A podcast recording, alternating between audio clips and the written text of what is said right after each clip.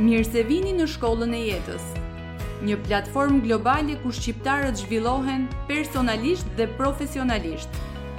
Në emisionin e Shkollës së Jetës, kemi shumë të ftuar që ndajnë eksperiencën e shkollës së jetës së tyre për të edukuar dhe frymëzuar gjithsecilin, Bëhuni pjesë në komunitetin e gjerë të Shkollës së Jetës në grupin në Facebook dhe Instagram Shkolla e Jetës.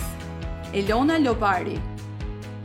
Shërbimet që ofrohen janë programe individuale dhe në grup për zhvillimin e suksesit, karrierës, biznesit, shëndetit mendor dhe mundësi partnershipi me kompaninë globale Arbon. Përshëndetje i gjithë komuniteti i shkollës së jetës jemi përsëri së bashku me një intervistë goxha interesante sot jam e nderuar që kam një të ftuar special le të themi në le të themi në emisionin podcast të shkollës së jetës që ndan le të themi një pasion bashkarisht të dy me për podcastin edhe për ndarjen e mesazhit le të themi me shoqërinë tonë Antonio Lushi Antonio ka kohë në fakt që është pjesë e komunitetit të shkollës së jetës dhe mezi pres edhe unë ta njoh pak më mirë por edhe ne ta njohim pak më mirë. Antonio, mirë se erdhe. Dhe shumë faleminderit që gjete kohë që të bëjmë një bisedë shumë interesante të lezetshme të dy sot së bashku. Faleminderit dhe ti për të gjithë prezantimin e bukur që më bëre do të thoja, të përgëzoj për shkollën e jetës dhe gjithashtu kënaqësia është e imja që të jem sot në një intervistë me ty, në një bisedë të këndshme do ta quaja më mirë. Shumë shumë e vërtetë. Shumë faleminderit. Më pëlqen shumë energjia jote dhe le të themi këtë pasionin që ti ke dhe për të folurën dhe për uh, iniciativat që ti ke marrë që do t'i zbulojmë kështu pak a pak nga kjo biseda jonë shumë natyrale. Antonio, uh, ti uh, më bëj një prezantim të shkurtër për veten, se nuk e besoj. Po. Në rregull. Jam Antonio Lushi, jam 14 vjeç, vij nga Elbasani në Shqipëri dhe jam krenar që jam shqiptar. Oh, shumë e bukur kjo. Ti je nga vjen nga Elbasani dhe unë sapo e zbulova që Elbasani është një nga qytetet uh, shumë afër zemrës time, sepse përveç uh, origjinës time nga Bulqiza, por dhe Tirana që kam jetuar 15 vjet përpara se të vija në New York, uh, është qyteti i i burrit tim, kështu që është një qytet në fakt shumë i ngrohtë që unë sa herë që e vizitoj, e shoh energjinë e njerëzve dhe janë njerëz shumë të mirë dhe të qetë dhe të më jep një le të themi një energji shumë familjare si qytet. Po. që dhe kalaja që është aty dhe disa nga gjërat e rëndësishme është vërtet një qytet shumë i bukur. Antonio, flasim po. pak dhe të themi disa nga hobit e tua, përveç shkollës, ti besoj je, ti je vetëm 14 vjeç, në çfarë klase je? Unë jam në klasë 8, Uh, hobit e mia janë jo vetëm gazetaria, që e kam kthyer dhe në profesion tashmë përveçse një pasion, me podcastin tim Shqipëria në zë, por gjithashtu është letërsia, është dhe teknologjia. Mm, shumë bukur këto pasione kaq herët, por dhe jo shumë herët në fakt, sepse fillojnë, le të themi, nga ato klasat, le të themi, mbi klasën e 5 e më lart, që fillon që vetë eksploron, uh, njihesh pak me fusha të ndryshme, dhe sot patjetër informacioni ka bërë të vetën, po. dhe rrjeteve sociale. Si ke zbuluar pak a pak ti këto pasione që sapo na rrëfeve? Unë mendoj që të lexosh libra zbulon gjithçka që ke, të të nxjerr në pah atë që ke brenda ta nxjerr jashtë. Ndoshta dhe ti nuk mund ta vësh re vetë, por ama të tjerët mund ta venë re dhe mund të themi ta specifikojnë ty, të të thonë që ti e ke këtë pasion, por ai që ta nxjerr në pah faktikisht është libri që të zgjeron fjalorin, të bën një njeri më të ditur, një njeri që të jesh më i, më i formuluar përballë situatave të ndryshme dhe një njeri që di t'i përballësh sfidat e jetës dhe pse jo të korrësh sukseset e ardhme. Mm, shumë e vërtetë, libri dhe informacioni patjetër që na jep këndvështrime të ndryshme, por dhe na bën që të mësojmë shumë rreth eksperiencave të njerëzve të tjerë, por dhe historive të ndryshme, Kështu që po. është patjetër një gjë shumë shumë interesante. Po si e gjen këtë balancin midis le të themi leximit të librave dhe ë uh, mbase dhe rrjeteve sociale apo mënyrave të tjera që kalon kohën tënde të lirë? Po, sigurisht kohën më të madhe e zë shkolla, sepse nëse ne nuk studiojmë për një të ardhme më të mirë, kemi jo një të ardhme më të mirë për veten, sepse kemi parë dhe shumë shembuj suksesi që ndoshta nuk kanë përfunduar shkollën, por janë vetëm pak, janë të rrallë, domethënë, ato që kanë guxim të marrin iniciativa të ndryshme, por ama mendoj që shkolla është burim i sigurt për të ardhmen, por jo vetëm, gjithashtu lexoj dhe libra në kohën e lirë, ia përkushtoj dhe gjysmën tjetër të kohës atyre, dhe teknologjia, podcasti, gazetaria, dhe pasionet e mia të tjera mbeten për pjesën e lirë të kohës time. Wow, po të kanë influencuar prindërit ndopak me këto le të themi zgjedhje që ti bën apo interesat që ke, pasionet që apo ka qenë vetëm le të themi këmbgulja jote, rastësi, ka pas ndikim shkolla, besoj, ti e përmend disa herë. Domethënë, ku ku ke pas këto për t'u për t'u fokusuar në këto gjëra që ti je i fokusuar dhe kaq kaq i ri në fakt.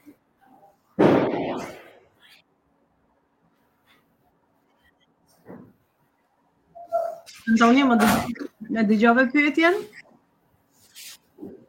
Po, është shumë e drejtë kjo që thua, në fillim prindërit e mi nuk, domethënë, se nuk më kanë mbështetur, por nuk më thonin që gazetaria s'besoj, janë pasione të fëmijërisë, po, sepse që te dhjetë që kam thënë rreth vetes që të rrija pas kamerave, por tani që e shohin të konkretizuar dhe që e shohin që e kam kthyer në një profesion, tani për veten atëherë të thonë ju të mbështesin, por sigurisht është dhe ai mentaliteti shqiptar, por jo vetëm shqiptar, i gjithë botës që është gjithmonë te juridiku, te mjekësia, që është gjithmonë domethënë te këto gjërat që janë më të sigurta, por mua s'më pëlqen të shkoj pas turmës në një farë mënyre.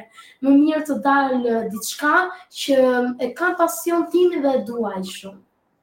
Patjetër, edhe prindërit patjetër do të ndërgjegjësohen se të mirën tënde duan me pjesën e sigurisë, të gjithë prindërit nisen po. nga kjo pjesë, por ti po i tregon gjatë rrugës, që ka gjëra që ti ke dhe i ke të brendshme, ëh, unë mendoj që çdo po. njeri uh, lind për diçka e pa, të paktën për një gjë, por mund edhe të zhvillosh shumë hobi dhe pasione gjatë rrugëtimit, sidomos sot me gjithë informacionin që ne kemi uh, vetëm përkushtimi kërkohet, ë, edhe çdo gjë mund të përmirësohet gjatë rrugës. Um, po. Si e ke nisur podcastin? Çfarë ka qenë le të themi dëshira që ti doje të bëje në fillim me nisjen e podcastit? Çfarë të shtyu për ta nisur? Po, që kur kam qenë në moshën 10 vjeçare, duke lundruar në internet, në një botë të madhe ku ne sot gjejmë shumë informacion dhe na ndihmon me të vërtetë, por ta përdorim për mirë, domethënë. Unë pashë një gazetar të huaj, mos gaboj Jane Malasker, që kishte hapur një podcast të tijin dhe më pëlqeu një lloj emisioni, një lloj emisioni skenik, domethënë, radiografik, por mua më pëlqeu shumë ai, por thjesht më mungonte motivimi që ta nisja një podcast. Në moshën 13 vjeçare, pra rreth 6 muaj më parë, Më vjen një ftesë nga një moderatore elbasanase, Entela Skora Abazi, në televizionin lokal Skampa, dhe sapo hyra në studio unë ndjeva atë energjinë domethënë dhe menjëherë thashë unë do e nis podcastin dhe një javë më vonë e nisa podcastin. Wow, shumë bukur. Edhe çfarë është synimi i podcastit? Ti ke besoj të ftuar të ndryshëm, po. me thënë si ka evoluar, se dhe podcasting është një le të themi evolon, sa më shumë ti bën episode të ndryshme, fillon po. të kërkojnë disa gjëra, evolon në diçka tjetër, që shpesh herë dhe ne nuk e dimë kur e nisim si projekt, le të themi, si e ke nisur. Po. Po, do me thënë e nisa podcastin, bleva mikrofonin, mikrofonin e kisha po, faktikisht për po mikrofonin që ishte special për podcastin, që ka atë mbajtëse, gjithashtu laptopin e kisha dhe kufjet që i kisha, do me thënë, do me thënë vetëm mikrofonin kam blerë dhe kamerën kam përdorë telefonin, Por më pas kur e nisa gjithmonë nga ana teknike duke parë disa tutorials në YouTube, duke parë stream të ndryshëm software ku mund ta drejtoja podcastin nga ana teknike, edhe më pas e nisa. Sigurisht në episodin e parë unë kisha një bashkëbisedim me ndjekësit le ta quaj duke i marrë atyre opinione se çfarë mendojnë ato se si mund ta zhvillojmë ne këtë podcast sepse podcast apo çdo lloj emisioni tjetër pa publikun apo pa ndjekësit, nuk është diçka, thjesht mund të folësh me vetëm atë. Në episodin e dytë kisha të ftuar, kisha një uh, një Instagram, një influencer shumë i mirë, që jep këshilla mbi teknologji, ka dhe një qendër në Durrës Impact Education, Said Dulevic, besoj që dhe mund ta kesh rastisur në Instagram. Po. Edhe ai ai dha shumë këshilla mbi teknologjinë, ishte ajo koha kur ishin dhe sulmet kibernetike që po godisnin Shqipërinë, edhe na dha më shumë informacion për to. Pastaj duke ardhur, duke shtuar rubrika në podcast, duke marrë të ftuar me personalitete më të rëndësishme dhe duke qenë tani podcastin e kam përfunduar me sukses sezonin e parë, por tani do të fillojmë të dytin shumë shpejt. Ah, shumë bukur, patjetër, është, është gjë shumë e mirë kur le të themi ti me përmes podcastit tënd tani po krijon një hapësirë jo vetëm për të mësuar vetë, ose për të takuar njerëz të ndryshëm që mbase më parë nuk do të kishe shans t'i takoje, po pastaj për të ndarë dhe informacione të vlefshme me njerëzit që ndjekin podcastin pak nga pak. Si e ka emrin podcasti Antonio? E ka pasur Shqipëria dëgjon në sezonin e parë, por këtë sezon do të vijë me Shqipëria në zë. Hmm, pse ndryshimi? I, por, i... por ndoshta është ajo që them pak më parë, evolimi. Do me thënë, të shohësh një emër më të përshtatshëm për një podcast. Do me thënë, duke qenë se media vetë ka si pasqyrim të japë, të pasqyrojë zërin e vërtetë, zërin real, zërin që përfaqëson qytetarët, edhe janë pushteti i tretë, siç thuhet, media do me thënë, Edhe Shqipëria në zë, pra, Shqipëria është në zërin, është në zërin tuaj, ne mund të jemi ato dhe kjo jep dhe pjesën e informacionit më pas, sepse Shqipëria dëgjon ose Amerika dëgjon, thjesht dëgjon ju, nuk dua ta bëj publikun thjesht të një skllav, një vegël do ta quaja, që të thoni dëgjon, më mirë vura Shqipëria në zë. E, ka shumë shumë nevojë, unë ndjek edhe median shqiptare dhe ka shumë nevojë për autit, autit Autenticitet është fjala në shqip, uh, për njerëz që janë origjinal, për njerëz që flasin oh. pa filtra, nga zemra, rrëfejnë eksperiencat, rrëfejnë uh, le të themi njohuritë e tyre, besoj që ka shumë nevojë uh, dhe Shqipëria, oh. sepse këtu patjetër në Amerikë ku jetoj unë uh, është podcasting, është një industri goxha e zhvilluar, edhe ka qenë një mënyrë shumë e mirë në fakt si edhe unë në fillim kam filluar të mësoj për temat që unë sot lundroj në fushat e mia dhe si i ndihmoj njerëz të tjerë ose dhe zhvillimi jonë personal si njerëz ose po. zhvillimi i shoqërisë. Është një mënyrë shumë e mirë dhe intime duke vënë kufjet dhe duke dëgjuar dhe inspiruar nga historitë e të tjerëve, po duke bërë edhe ato lidhje tona le të themi mbi ëndrrat që ne duam, kemi po. ose për gjërat që duam të zhvillojmë në të ardhmen. Po, e kuptoj shumë mirë, domethënë media shqiptare dhe me sot unë e shoh fatkeqësisht, do e thoja, dhe e shoh me shumë zhgënjim që titujt që ne shohëm sot në media shqiptare janë me të vërtetë abuzime, janë me të vërtetë tronditëse dhe tragjike që të abuzohet kaq shumë tituj thjesht për të marrë disa views, klikime, share, apo followersa, nuk e di të tjera, apo para dhe po, Por është shumë keq që të shohësh në të vërtetë sot që media shqiptare më shumë portalet online, sepse sigurisht Shqipëria ka dhe shumë media serioze, do ta thoja, nuk do t'ia humbja këtë vlerë të mirë, por ama portalet online të lundrosh internet, tituj të lënë për të dëshiruar. Vërtet, si çdo gjë, është pjesa pozitive që ka patjetër shumë emisione që e kryejnë një mision shumë të rëndësishëm me komunikimin e publik, sepse dhe unë kështu do ta përkufizoja le të themi mediat apo mënyrën se si edhe ne po ndajmë ja këtu mesazhin tonë apo eksperiencën tonë me të tjerë, kështu që komunikimi me publikun është shumë i rëndësishëm ka pjesën pozitive, po patjetër ka edhe pjesën negative. Cilësia është shumë shumë e rëndësishme, por edhe një në një mënyrë mendoj që të gjithë forma komunikimi ndikojnë tek ne si njerëz dhe është mirë që ne po. ushqejmë veten tonë me gjëra të mira dhe pozitive, por për fat të keq, ja, mbase jemi është evoluimi i shoqërisë që nuk është aty ende të t'i vlerësojë këto dhe më shumë mbase marrin views apo ku dëgjoj unë ato uh, po. dramat apo gasip, gasip si thonë thashetheme mbase apo këto gjëra po. që, you know, mbase është për pjesën e argëtimit, por patjetër nëse është një mision e rëndësishëm uh, edukimi dhe inspirimi i shoqërisë, mendoj që patjetër që gjithë këto format të reja dhe të vjetra ose tradicionale kanë atë ndikimin e tyre. Dhe sot me rrjetet sociale patjetër çdo njeri e ka një dritare apo jo. Si i ke përdorur po. rrjetet sociale për të ndarë uh, eksperiencën tënde apo dhe gjërat që ti po. di. Moshatarët e tu po dhe më gjerë besoj sepse nuk i dihet se kush ngjit me mesazhin në fund të ditës sot. Po, patjetër, do doja që ta ndaj edhe këtë me ju. Domethënë, rrjetet sociale sot mund të përdoren për çfarëdolloj mënyre, për atë qëllim që ke ti.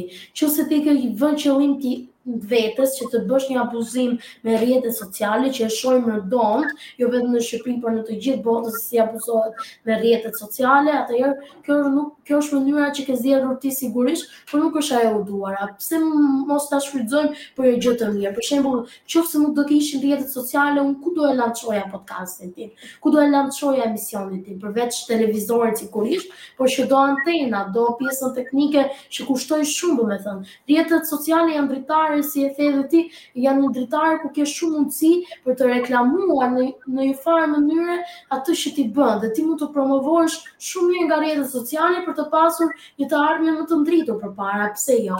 Edhe sigurisht për shkak të bashkëmoshatarëve të mi, siç e keni parë dhe vetë besoj se si abuzojnë ato shumë, nuk do të them të gjithë sepse do bëj edhe përjashtime, si abuzojnë në rrjetet sociale si TikTok, ku ne shohim që promovohet bullizimi, promovohet banaliteti, dhe promovohen pra shumë tema të këqija që sot rinia shqiptare por jo vetëm në gjithë botën besoj i trashëgon dhe i përcjell te brezat në vijim. Ndërkohë un këtu në Shqipëri, në Elbasan me qark, me qarkun e Elbasanit, ka kemi bërë një si tip pakti për të krijuar një e, institucion të ri, rrjeti i talenteve të reja të qarkut Elbasan, pra një lloj networku dhe ky, ku ne do të bëjmë një grup prej 20 vetash që janë të trajnuar, domethënë, kanë marrë pjesë nëpër filma, kanë një emision të tyre ndoshta, domethënë, që kanë eksperienca, edhe do të krijojmë një grup dhe më pas do t'i drejtojmë talentet që do të na vijnë, që janë talente të fshehura, domethënë, dhe do t'i drejtojmë institucionet e tjera përkatëse, si te qendrat kulturore, ose do të kemi dhe ne trajnimin, sepse do të kemi dhe profesionistë që do të na qëndrojnë ne. Kjo domethënë është deri tani sa kemi formuluar, por besojmë se në 2024 do e bëjmë realitet zyrtarisht këtë. Shumë bukur Antonia, po më vjen mirë që ti e qartësove shumë bukur që duhet qartësuar qëllimi, përse ne përdorim rrjete sociale apo. Po. përdorim më së miri në shërbim të vetes, por patjetër dhe në shërbim të, të njerëzve që jemi të lidhur tashmë në rrjetet sociale. Kjo është shumë e rëndësishme. Një projekt po. shumë i bukur edhe një maturi që duhet përgëzuar patjetër për moshën e vogël që ti ke dhe për ndërmarrjen e këtyre iniciativave të mëdha, jo vetëm me këtë projektin e talenteve, që patjetër nëse unë mund të ndihmoj, patjetër jam gjithmonë pro promovimit të talenteve shqiptare dhe krijimit të hapësirave të reja, ku ne mund të shfaqim këto talente, sepse të kesh një talent është një gjë, por ta zhvillosh atë talent është komplet një rrugëtim tjetër, kështu që sa më shumë njerëz pozitivë të mblidhen me eksperienca të ndryshme, që mbështesin njëri tjetrin dhe bashkëpunojmë, po, është një frymë amerikane që amerikanët e kanë përdorur me vite dhe prandaj besoj janë këtu ku janë dhe mund të jetë diçka që mund të bëjmë ne më mirë le të themi si shqiptarë edhe uh, duke inkurajuar njëri tjetrin edhe duke mos xhelozuar sepse kur ti zhvillohesh dhe rritesh mbase ato libra që ti lexon ta japin këtë informacion që ti kur ti ecën në hapat e tu dhe je gjithmonë njeri që mundohesh që të ndihmosh edhe të shtosh vlerë aty ku je nuk ke pse krahasohesh me të tjerë vetëm krahasohesh po. me veten tënde se kjo është një rrugëtim në fund të ditës Është është një thënie shumë e bukur nga një autor shumë i njohur, por që s'më vjen ndërmend tani emri, thotë nëse njerëzit nuk do të hidhnin vrer mbi njërin tjetrin, atëherë bota do të ishte më e lumtur. Mm, shumë e bukur kjo. Dhe kemi goxha oportunitet si qenie njerëzore uh, për ta bërë më mirë këtë gjë, sepse kur njerëzit ta kuptojnë se sa më i mirë është bashkëpunimi, se sa krahasimi dhe xhelozia, atëherë të gjithë ecin përpara, paralelisht. Uh, po, ajo është ajo që thua ti. Sepse lumturia mbase dhe ti e ke lexuar këtë nga njerëz të ndritur vjen nga marrëdhëniet njerëzore të shëndetshme, ëh, në fund të ditës. Po. Jemi qenie në grup. bashkëpunimet. Është të shohësh një punë në grup dhe një punë që e bën një i vetëm. Si mund ta krahasosh atë, domethënë, aq e lehtë është të shohësh dhe të shohësh bashkëpunimin në atë punë. Ajo është ajo që duhet të shohim. Po përveç kësaj ne shohim që edhe në grupe të ndryshme që ndoshta janë dhe në punë, janë të detyruar dhe në shkolla, në universitete ndoshta, por ne shohim që njëri tjetrit edhe brenda në grup që duhet të dalë një punë e përbashkët, ka xhelozi që duhet të sulmojnë njëri tjetrin me patjetër për të dalë ai më i mirë i grupit, por në fund del një punë që nuk është për t'u vlerësuar, domethënë. Është e vërtetë. Është është pjesë e zhvillimit personal, le të themi, ëm po. um, mos operimi nga ego, se kur punon vetëm me egon, patjetër që ego ka nevojë të ketë unin, kështu që kjo nuk është e shëndetshme për njerëzit përreth. Unë mendoj Po, unë mendoj se si t'i ndërtosh shkallët, po e marr një njeri i mirë që i ka shkallët që nga familja, me të vërtetë ai do t'i ngjisë ngadalë, por do t'i ketë më të forta dhe më të sigurta. Ndërsa një njeri që nuk ka edukim as nga familja, domethënë as nga shkolla, nuk merr s'i vlerë të mirë nga shoqëria, atëherë mund t'i ngjisë shkallët më shpejt me me egon, me xhelozinë, me me mm, me domethënë, me krahasimet, por ama ato shkallët e tija si prej kartoni, e do të bjerë shumë shpejt kur të arrijë ndoshta majën, ndërsa ai që i ka ndërtuar me shumë vetëbesim, me shumë le ta thoja, me shumë siguri, me shumë edukatë, me shumë besim te vetja dhe me lumturinë që është më, par, më parësore dhe me paqen, atëherë ai do të arrijë atje ku e meriton. Pikërisht, do të ketë qëndrueshmëri dhe do lërë një legasi të mirë nga pas, se s'marrim gjë me vete, mund të po. ditë. Kalimtarë në këtë jetë, kështu që shumë shumë Shumë e lezetshme. Antonio, ka disa tema specifike që të tërheqin më shumë në gazetari apo dhe me librat që lexon?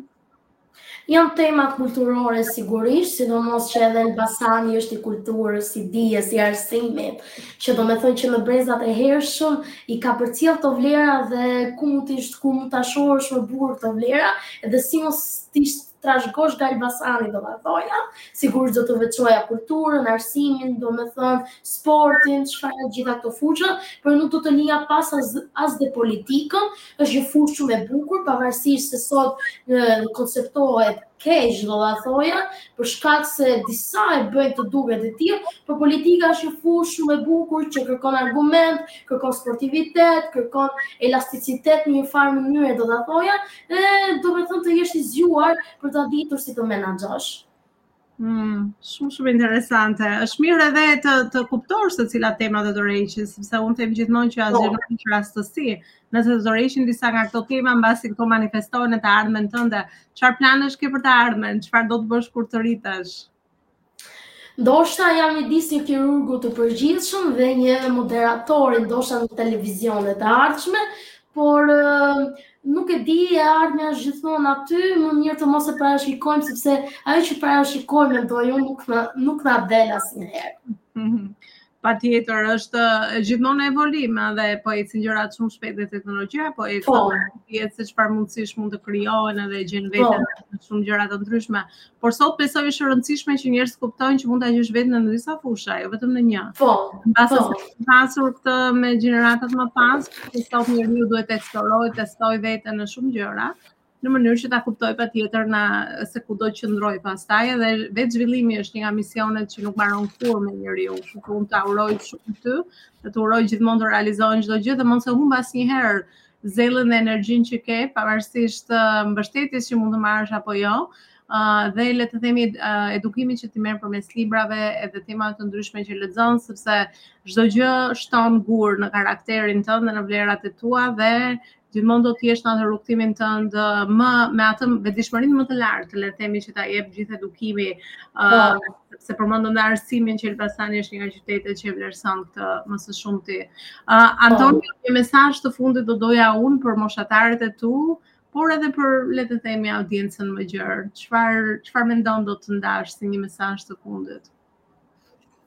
Po, përcillni vlerat më të mira që ju edukon familja dhe shoqëria dhe gjithmonë jini gati me shpatë në dorë në mënyrë figurative që të mbroni për veten tuaj të jeni gjithmonë aty dhe për të mbrojtur ëndrrat tuaja.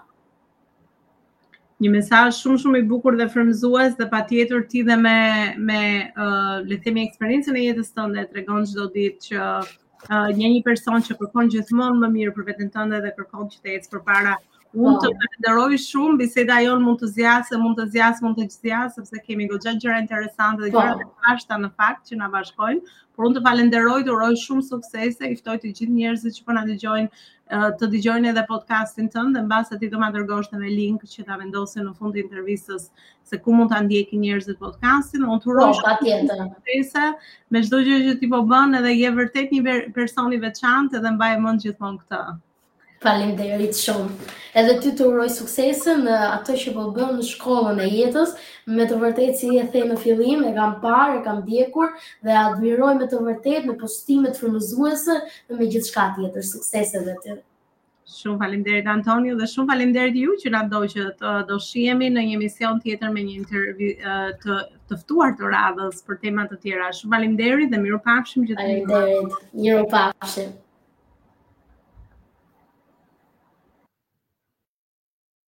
tuaj dhe ndjeni këto tre probleme kryesore në përditshmërinë tuaj të operacioneve të biznesit. E para është që nuk keni të ardhura mjaftueshme që ju vijnë në biznesin tuaj. E dyta është nuk dini se si ta rrisni biznesin tuaj për përtej vetes tuaj ose përtej kapacitetit që mund të keni arritur dhe problemi tjetër i tretë është që ju doni të uh, shkoni në tregje globale.